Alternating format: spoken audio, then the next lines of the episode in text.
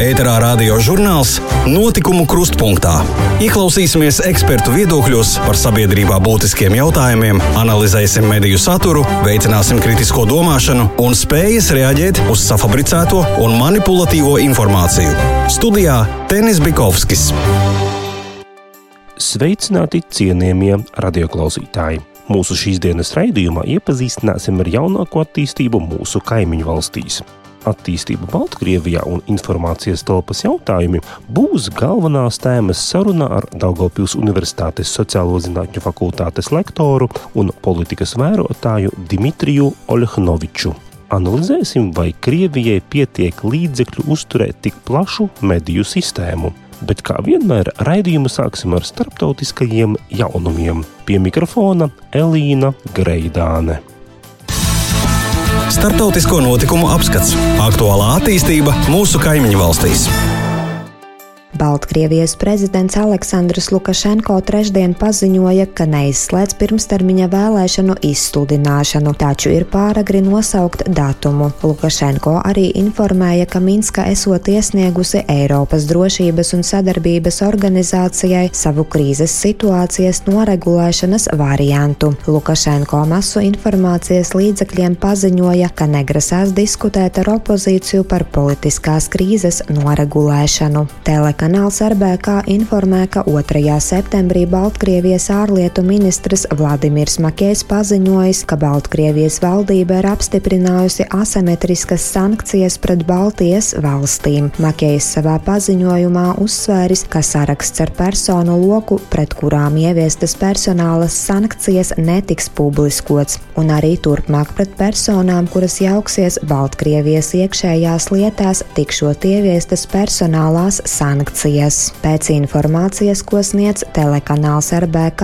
šā gada augustā Baltkrievijas rublis attiecībā pret dolāru ir krities par 8,9%. RBK atgādina, ka iepriekš Lukašenko nācis klajā ar paziņojumu, ka Baltkrievijai esot pietiekoši valūtas rezervju, un viņš nepieļaušot nacionālās valūtas devalvāciju. Savukārt jau desmit Baltkrievijas uzņēmumi esot izteikuši vēlmi pārcelt pārcelt savu darbību uz Latviju. Portālu Delfi šonadēļ informēja Latvijas Investīciju un attīstības aģentūras direktors Kaspars Roškalns. Pēc viņa vārdiem nedēļas laikā esam snieguši konsultācijas vairāk nekā simts Baltkrievijas uzņēmumiem, kuri nopietni izvērtē iespēju par savas darbības pārcelšanu uz Latviju. Paralēli šie uzņēmumi izskata arī citas iespējas. Tādēļ izšķiroši svarīga ir ātra Latvijas rīcība. Ņemot vērā Krievijas opozīcijas līdera Alekseja Navaļņie saindēšanu, Francija atlikusi nākamnedēļ Parīzē plānoto ārlietu un aizsardzības ministru tikšanos ar Krievijas kolēģiem, paziņojusi Francijas ārlietu ministrija. Vācijas valdība jau ir vēstījusi, ka iegūti neapstrīdami pierādījumi, ka Navaļnīs ir saindēts ar nervus paralizējošu kaujas vielu, kas pieder pie Novičok grupas. Pasaules veselības organizācija 8. septembrī paudusi bažas par pandēmijas situāciju Čehijā un tās valdības ieceri samazināt jauno koronavīrusu saslimušo kontaktu izsekošanu. Nedēļas sākumā Čehijā tika reģistrēti 563 jauni covid-19 gadījumi. Līdz ar to aktīvo gadījumu skaits pašreiz sasniedz 8424, bet 214 11 saslimušie ārstējas slimnīcā. Igaunijas galvaspilsēta paziņojusi par epidemioloģisku ierobežojumu ieviešanu Tallinā cīņā pret covid-19. Ierobežojumi cita starpā paredz, ka vairumā pilsētas skolu skolēniem sākot no 8. klases jāpāriet uz attālinātu mācību procesu.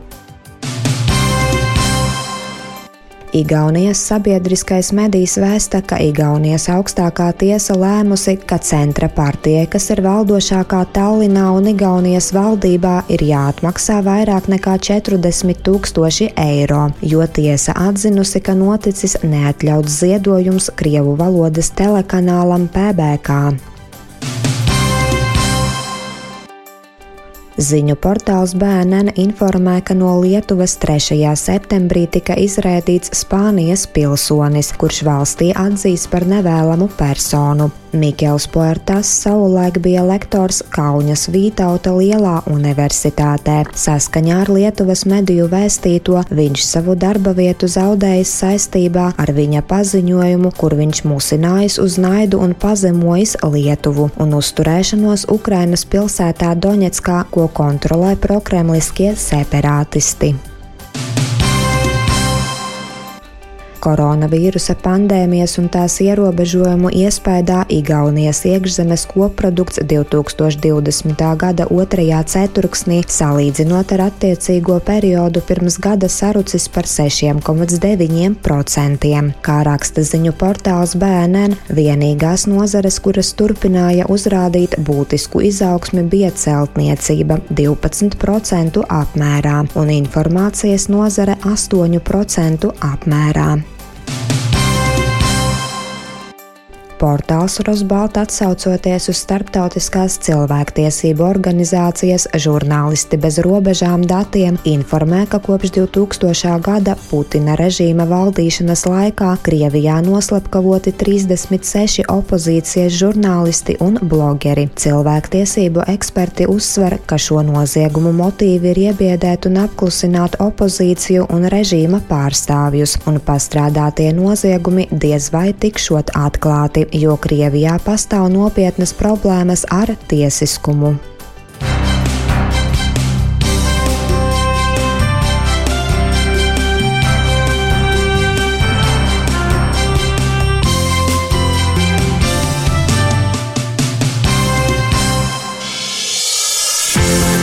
Ēterā radio žurnāls Notikumu krustpunktā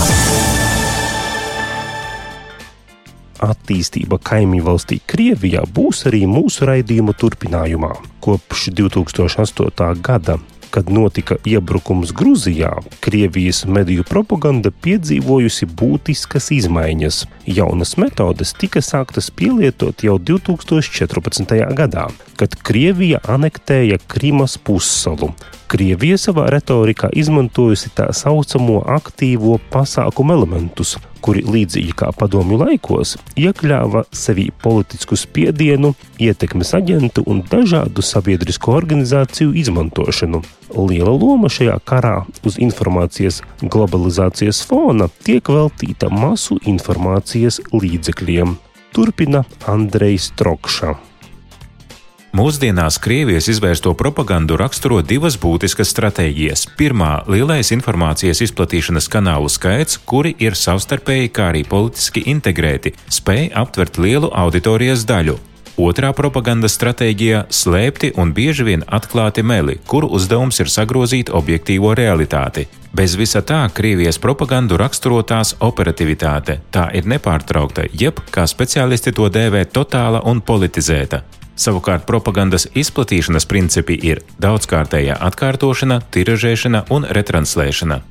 ASV startautisko attiecību eksperts Roberts Ortungs, kurš pēta globālās propagandas stratēģijas, intervijā Šveices laikrakstam Tāges Anseiger atzīmē, ka Kremļa propagandisti vēlas pārliecināt sabiedrību, ka visapkārt ir meli, Tādu Krievijas masu informācijas līdzekļu holdings kā Rosija Sevodņa, kurā ietilps televīzijas kanāls Russia Today un interneta portāls Sputnik, mērķi ir parādīt Krievijas valsts modeli un tās ārpolitiku pozitīvā gaismā, pretstatot rietumu demokrātijas pamatvērtībām un demokrātiskiem institūtiem. Roberts Ortungs uzsver, ka Krievijai nav tāda ekonomiskā un militārā potenciāla, kāds tas ir rietumiem, un, lai kompensētu kompleksus, tāpēc uzsvars tiek likts uz propagandu un atbilde ir viena - vainīgi ir ārējie ienaidnieki. Taču vai Krievijai pietiek līdzekļu uzturēt tik plašu mediju sistēmu un ražot propagandisko saturu? Šogad portāls ukrinform.ru atsaucoties uz portālu EU disinfo datiem, informē, ka Krievijas valsts kontrolētie masu informācijas līdzekļi no valsts budžeta saņems 1,3 miljardus eiro, kas par 300 miljoniem eiro pat pārsniegs 2018. gada valsts piešķirto finansējumu. Portāls EUDIS Info secina, ka kopumā finansējums valsts kontrolētajiem medijiem budžeta projektā ir palielināts par 30%, kas liecina, ka iespējamais Krievijas informatīvais spiediens caur kontrolētajiem masu informācijas līdzekļiem tikai pieaugs. Lielākais valsts finansējuma saņēmējs - 325 miljoni eiro - ir televīzijas kanāls Russia Today. Televīzijas kanāls Rasija 1 saņems 92 miljonus eiro, bet Krievijas aizsardzības ministrijas pāraudzībā esošais televīzijas kanāls Zvezda saņems 28 miljonus eiro. Atgādināsim, ka Rasijas Vodņa vadītājs ir skandalozi slavenais Kremļa propagandists Dmitrijs Kiseļovs, pret kuru Eiropas Savienība ir ieviesusi sankcijas. Holdinga Rasijas Vodņa sastāvā ietilps tādi mediju resursi kā Rija Novosti, Infosmi un propagandas internetu portāls Sputnik. Savukārt ziņu aģentūra TAS no valsts saņem 41 miljonu eiro. Zīmīgi, ka pret izvērsto destruktīvo propagandas finansēšanu no valsts budžeta protestēja Krievijas sabiedriskie aktīvisti. Tā piemēram, šā gada septembra sākumā portālā Krievijas sabiedriskā iniciatīva tika publicēta petīcija ar aicinājumu pārtraukt no valsts budžeta finansēt televīzijas kanālus Rosija 1 un 1 kanālu. Aicinājuma autore piedāvā šos līdzekļus izmantot Krievijas iedzīvotāju labklājības uzlabošanai. 2018. gadā ASV ziņu portāls BuzzFeed News, atsaucoties uz Rebaltika pētījumu, informēja, ka Krievijas valdība slepeni finansē interneta ziņu portālus Lietuvā, Latvijā un Igaunijā, kuri sabiedrībai tiek pozicionēti kā neatkarīgu masu mediju resursi. Arī Latviju Krievijas propaganda nav atstājusi novārtā. Austrumēropas politisko pētījumu centra asociētā pētniece Kristīne Skuiņa Trokša savā apskatā par Krievijas propagandu norāda, ka Kremļa propagandas standarti attiecībā pret Latviju ir nemainīgi - rusofobiska politika un okupācijas doktrīna. Šādi un citi nievājoši termini saistībā ar Latvijas un valsts nostāju jautājumos, kas saistīti ar vēsturi un ārpolitiku, regulāri atkārtojas rakstos par Latviju. Pētnieki norāda, ka Krievijas finansētos medijos Latvija lielākoties tiek minēta negatīvā vai neitrālā kontekstā. Tikai 6% no visiem rakstiem tika publicēti pozitīvā tonī, un tie visbiežāk saistās ar Latvijas sportistu panākumiem Olimpiskajās spēlēs un laiku, kad Latvija vēl bija PSRS sastāvā. Krievijas propagandas platformas nereti ietver šaubīgu tā saukto ekspertu viedokļus un faktus, kuri it kā pastiprina ticamību dezinformācijai un maldinošiem izteicieniem. Ievērojamākās un aktīvākās informācijas platformas, kuras izplata maldus par Latviju, ir sputnikņūs.ru, sputnikņūs.lv.com un baltņūs.lv. Visbiežāk raksti tiek veidoti Krievu valodā, 15,7% tikuši publicēti latviešu. Šogad Nacionālā elektronisko plašsaziņas līdzekļu padome, ievērojot Eiropas Savienības padomes noteiktās sankcijas, nolēma aizliegt Latvijā izplatīt septiņas Rašatu D grupas programmas. Eiropas Savienības lēmums neatbalstīt Krievijas protestēšanu tika interpretēts kā rietumu kopējais plāns Krievijas mediju darbības ierobežošanā. Ēterā radio žurnāls Notikumu krustpunktā.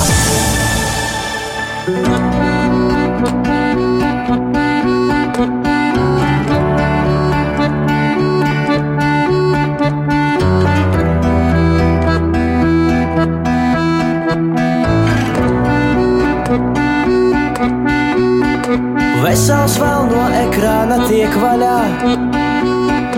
Tam vēl spēka daudz, kas vaļu šķirs. Slimajam, kam nav vairs zemes zaļās, slimajam pie tā ir jānomirst. Tam ir slazda iemānošā daba. Tas ir apmēram kā zivju murts kurā plunčājas vēl cerībā pēc laba. Ceļā piekusušais, lasis gurts.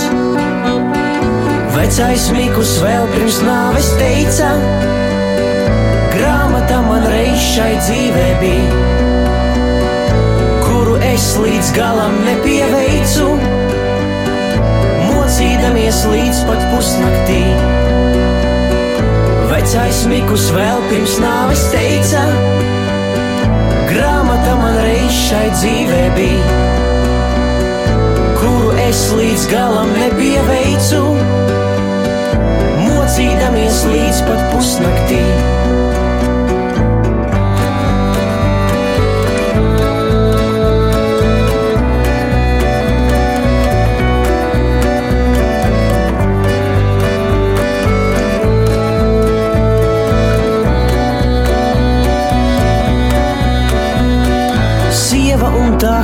Te abas labas, nekad nepiekritu šai, ne arī tai.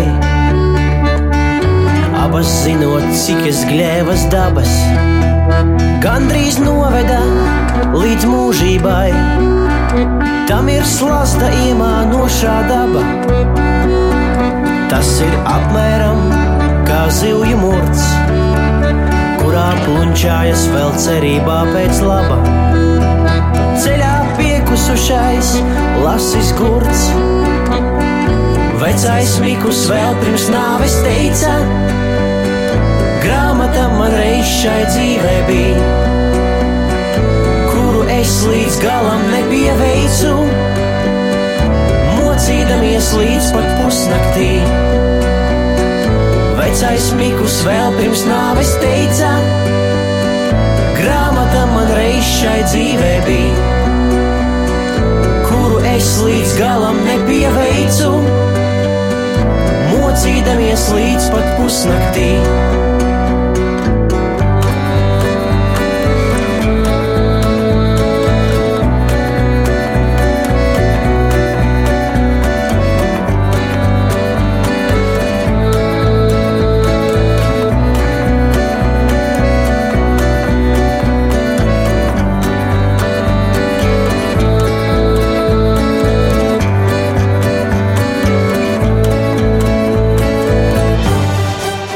Ēterā radio žurnāls Notikumu krustpunktā.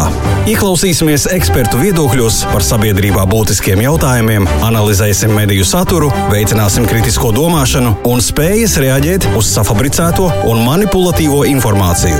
Studijā Tenis Bikovskis izskanēja dziesma Sejas grāmata Daugavpils grupas dabas durvis izpildījumā.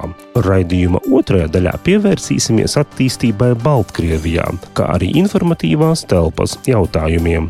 Uz sarunu esmu aicinājis Daugopils Universitātes sociālo zinātņu fakultātes lektoru, politikas vērotāju Dmitriju Olehnoviču.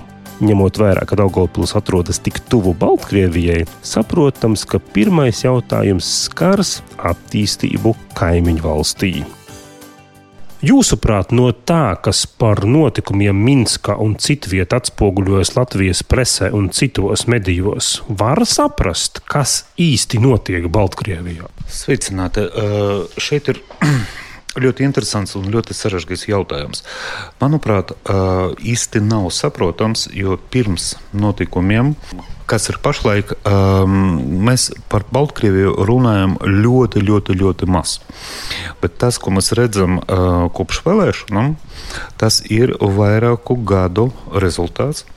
Ja, un pašlaik, kad tiek runāts par Baltkrieviju, nav pamata aktualizētas vairākas idejas, kas noveda līdz šai krīzei. Skaidrs, ka Lukašenka ir diktators. Skaidrs, ka vēlēšanas bija falsificētas. Bet nav skaidrs, kāpēc tik daudz cilvēku izgāja uz ielām. Nav skaidrs, kāpēc pašlaik Baltkrievijas sabiedrība, neskatoties uz to, ka es personīgi uzskatu, ka Baltkrievijas sabiedrība lielākoties, ir apo, lielākoties bija apolitiska ja, sākas tāda veida polarizācija. Skaidrs, ka daļa no protestētājiem vai atbalstītājiem ir profesionāļi. Ja? Prof, profesionāli protestētāji un profesionāli atbalstītāji. Bet uh, ar to visu izskaidrot nevar. Un Latvijas mēdīja, es negribu šeit kritizēt vai kritiski vērtēt atsevišķu mēdīju darbību. Latvijas mēdīja ļoti bieži fokusējas uz kāda konkrēta notikuma atspoguļošanu, nevis uz to, kāpēc notika šis notikums. Šeit jautājums ir, kas notika. Bet, manuprāt, svarīgi saprast, kāpēc tas notika. Intervijā Latvijas avīzē jūs teicāt, ka situāciju Baltkrievijā nevar salīdzināt ar notikumiem Ukrainā 2014. gadā, kad notika Maidana revolūcija. Kāpēc jūs tā uzskatāt? Pirmkārt, tas, kas notika Ukrajinā 2003. 2004. gada un 2013. gada, 2014. gada, ir nekas cits, kā iekšēju pretrunu rezultāts. Lielākā Ukrainas problēma, kā es to redzu, ir tā, ka Ukraina pēc neatkarības um, atgūšanas, tomēr es teikšu tā, ka kaut gan šeit var arī zināmā mērā arī pārstrādēties, nebija izveidota vienota integrējoša valsts ideoloģija. Rietumi, rietumu Ukraina palika kā rietumu Ukraina ar saviem varoņiem, austrumu Ukraina palika austrumu Ukraina ar saviem varoņiem. Turklāt Ukraina bija, un mēs šo nevaram noliegt, bija zināma problēma arī lingvistiskajā situācijā. Lai tas skan dīvaini, jā, un tas ir aplams priekšstats par, par, par to, ka visi ukraiņi uh, runāja, pieņemsim, krievu valodu, nē, rietumu Ukraina ļoti daudzi cilvēki nerunāja krievu valodā. Ja? Un Ukraina šis lingvistiskais faktors arī bija aktuāls. Bet uh, Bal Baltkrievijā lingvistiska saspēlējuma nav. Ja? Protams, ir daži izdevumi, kas sevi uh, pozicionē kā neatkarīgi izdevumi, un viņi principiāli savas politiskas nostājas dēļ vienmēr publicē informāciju Baltkrievu valodā. Turklāt klasiska Baltkrievu valoda, bet uh, bija arī ļoti, un ir arī ļoti spilgti opozīcijas izdevumi, kas uh, vienmēr publicē informāciju Krievu valodā. Baltkrievijā šī lingvistiskā konflikta, kas bija Ukraina, nav un nebija. Turklāt Baltkrievija ir, kā jau teicu, ir homogēna valsts. Ja? Jūs tikpat labi varat dzirdēt Krievu valodā Bresta un Hrodņa. Ja? Un tikpat labi jūs varat dzirdēt Baltkrievu valodā Ukrainas, au, Baltkrievijas austrumos. Ja? Um, tā, tā nebija problēma. Ja? Un vēl uh, tas, kas notika Maidānā, viennozīmīgi bija saistīts ar neiedomājamu korupciju. Un tie studenti, kas izgāja protestēt Eiropas laukumu, viņi protestēja pret korupciju un par Eiropas vērtībām. Nav noslēpams, ka Ukraina vienu oligarhu nomainīja cits oligarhs. Uh, uzskatīt Cihanovskas kundzi par oligarhu, manuprāt, ir nu, gaužam nepareizi. Uzskatīt uh, Babarīka par oligarhu nevar, jo viņš ir vienkārši bagāts cilvēks, kurš, jā, viņam ir nauda. Ja? Bet viņš sevi izveidoja pats. Ja? Jo svarīgi ir saprast, oligārhs ir ne tikai tas bagāts cilvēks, bet oligārs, manuprāt, ir arī tas cilvēks, kam ir ļoti liela ietekme mēdīju vidu. Bet jūsuprāt, kāds būs Baltkrievijas scenārijs, vai arī to patiešām tomēr ir grūti paredzēt? Ja es būtu ideālists, tad es teiktu, ka Es gribu, lai man būtu iespēja aizbraukt uz brīvu Baltkrieviju. Bet es esmu realists. Un šajā situācijā es ļoti ceru, ka nebūs plaša mēroga asins izliešanas, jā, bet mēs jau zinām, ka ir jau upuri. Bet uh, Lukašenka, būdams, manuprāt, ar vienu vairāk un vairāk uh, diktatorisks savā domāšanā, ja, tomēr saprata vienu. Viņš saka, izmanto taktiku, ko viņa um, pēdiņas uh, politi politiskais brālis. Mm, Puķina kungs uh, izmantoja, pieņemsim, Habarovsku. Ja? Nu, respektīvi, ideja ir tāda, ka, nu, lai protestē, mm, bet ar, uh, neskatoties uz to, ka protesti tomēr ir diezgan plaši, te, tie neiet plašumā. Jā, jūs man varat pateikt, ka lūk, Hrodņiem bija izmantota asaru gāze. Kara tehnika uz ielām, speciāli līdzekļi bija izmantoti, jā, ļoti, ļoti neskaisti. Es to teikšu tā, bet kopumā tas um, revolūcijas gars, neiet plašumā. Ja? Un rezultāts būs tāds, ka, pieņemsim, bija Habarovska. Sākumā bija sprādziens, Tagad ļoti neliela grupa katru sestdienu protesta un, un tā un tālāk. Un vēl, protams, šeit mums ir jārunā par to, ka Lukašenka pieļāva vairākas strateģiskas kļūdas, tā skaita attiecības ar Krieviju. Un tagad, manuprāt, ir ļoti sarežģīta situācija ar to, ka mm, Krievija var viņu vienkārši daudz vairāk un daudz atklātāk šantažēt nekā bija iepriekš. Atgriežoties pie notikumiem mūsu pašu mājās, jūsuprāt, sabiedriski politiskie procesi, kas notiek otrajā lielākajā pilsētā Latvijā, šeit, Daugopilī, un arī procesi Latvijā kopumā, tiek pietiekami atspoguļoti sabiedriskajos medijos un izdevumos, kas iznāk Rīgā? Paldies par jautājumu, bet šeit es atbildēšu kā uh, vienkāršs uh, mēdīju patērētājs. Nē, nav. Ir atspoguļots, runājot par Daugopili. Pozitīva gaisotne, protams, viennozīmīgi tas ir tas, kas notiek. Tas ir pozitīvi uh, Rotko centrs. Rotko centra darbība. Uh, vispārējais, ja tikai tad, kad ir skandāli vai no vietējā mēroga revolūcijas, varas maiņas, pilsētas doma, Daugopils pilsētas doma, vai nu, um, ja ir kaut kādas nopietnas problēmas. Vai jūsuprāt, jūsu kā mediju patērētāja prāta, Daugopilī vispār ir kaut viens neatkarīgs un objektīvs medijs?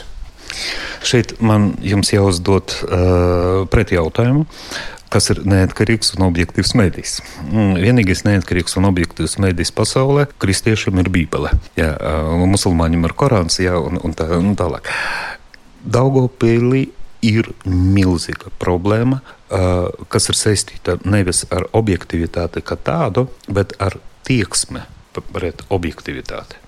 Ja, un šeit, protams, mēs visi ļoti labi zinām, ka, ja mēs gribam kaut ko labu uzzināt par pilsoni X mums ir jāņem vienu mēdīju.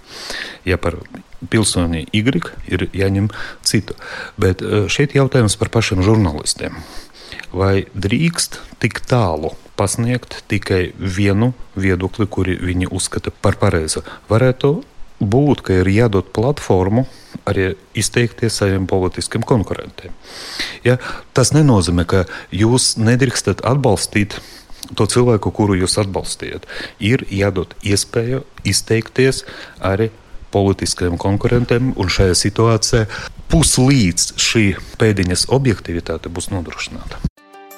Tā bija saruna ar Daugopils Universitātes lektoru Dimitriju Olehnoviču. Ēterā radio žurnāls Notikumu krustpunktā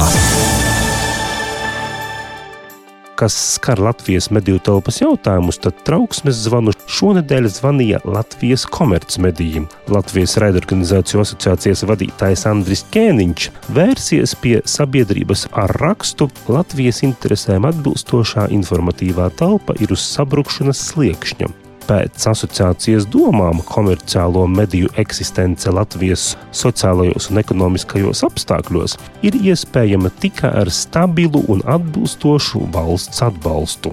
To savā saimas rudens sesijas atklāšanas runā uzsvēra arī valsts prezidents Egils Levits, norādot uz valsts atbildību atbalstīt kvalitatīvos komercmedijus. Prognozes vēsta, ka 2020. gada reklāmas ieņēmumi elektroniskajiem plašsaziņas līdzekļiem saruks par 20-30% attiecībā pret 2019. gadu. Tā kā mediju mainīgās izmaksas pamatā sastāda satura veidošanas izmaksas, tad jau šobrīd ir skaidrs, ka ja nesekos adekvāts valsts atbalsts, tad komercmedijiem būs liels izaicinājums 2021. gadā nodrošināt augstvērtīgu satura kvalitāti un apjomu. Tajā pašā laikā 2. septembra ministru kabineta sēdē komerciālajiem elektroniskajiem plašsaziņas līdzekļiem pieejamais atbalsts nākamajam gadam tika apstiprināts 2020. gada līmenī. Ņemot vērā iepriekš izklāstīto, ir acīm redzams, ka šāds atbalsta apjoms ir nepietiekošs, lai komerciālie mediji spētu nodrošināt kvalitatīva satura ražošanu kaut vai tādā pat apjomā kā līdz šim. Pēc raidorganizāciju asociācijas aprēķiniem komerciālo radio un televīziju atbalstam satura veidošanai nepieciešami vismaz 9 miljonu liels valsts atbalsts. Ar dziesmu ir rudens, ko izpilda Dinārs Gulbis. Raidījums notikumu kruspunktā šodien izskan raidījumu veidoju es Tenis Bikovskis. Uz sadzirdēšanos nākošnedēļ šajā pašā laikā. Grūta ābele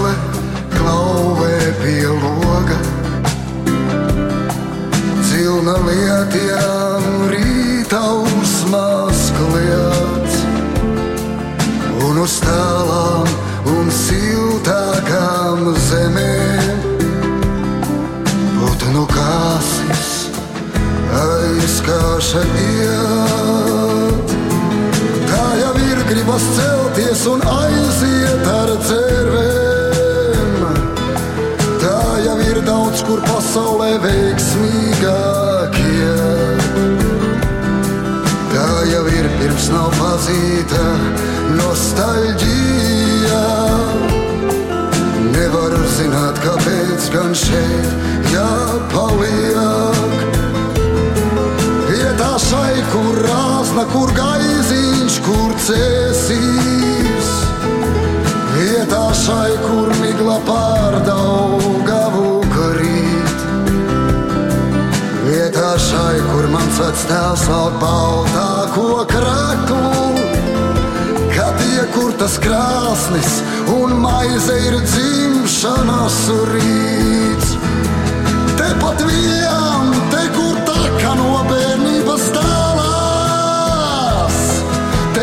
vien, te kur pasaules smaržo kāsjans.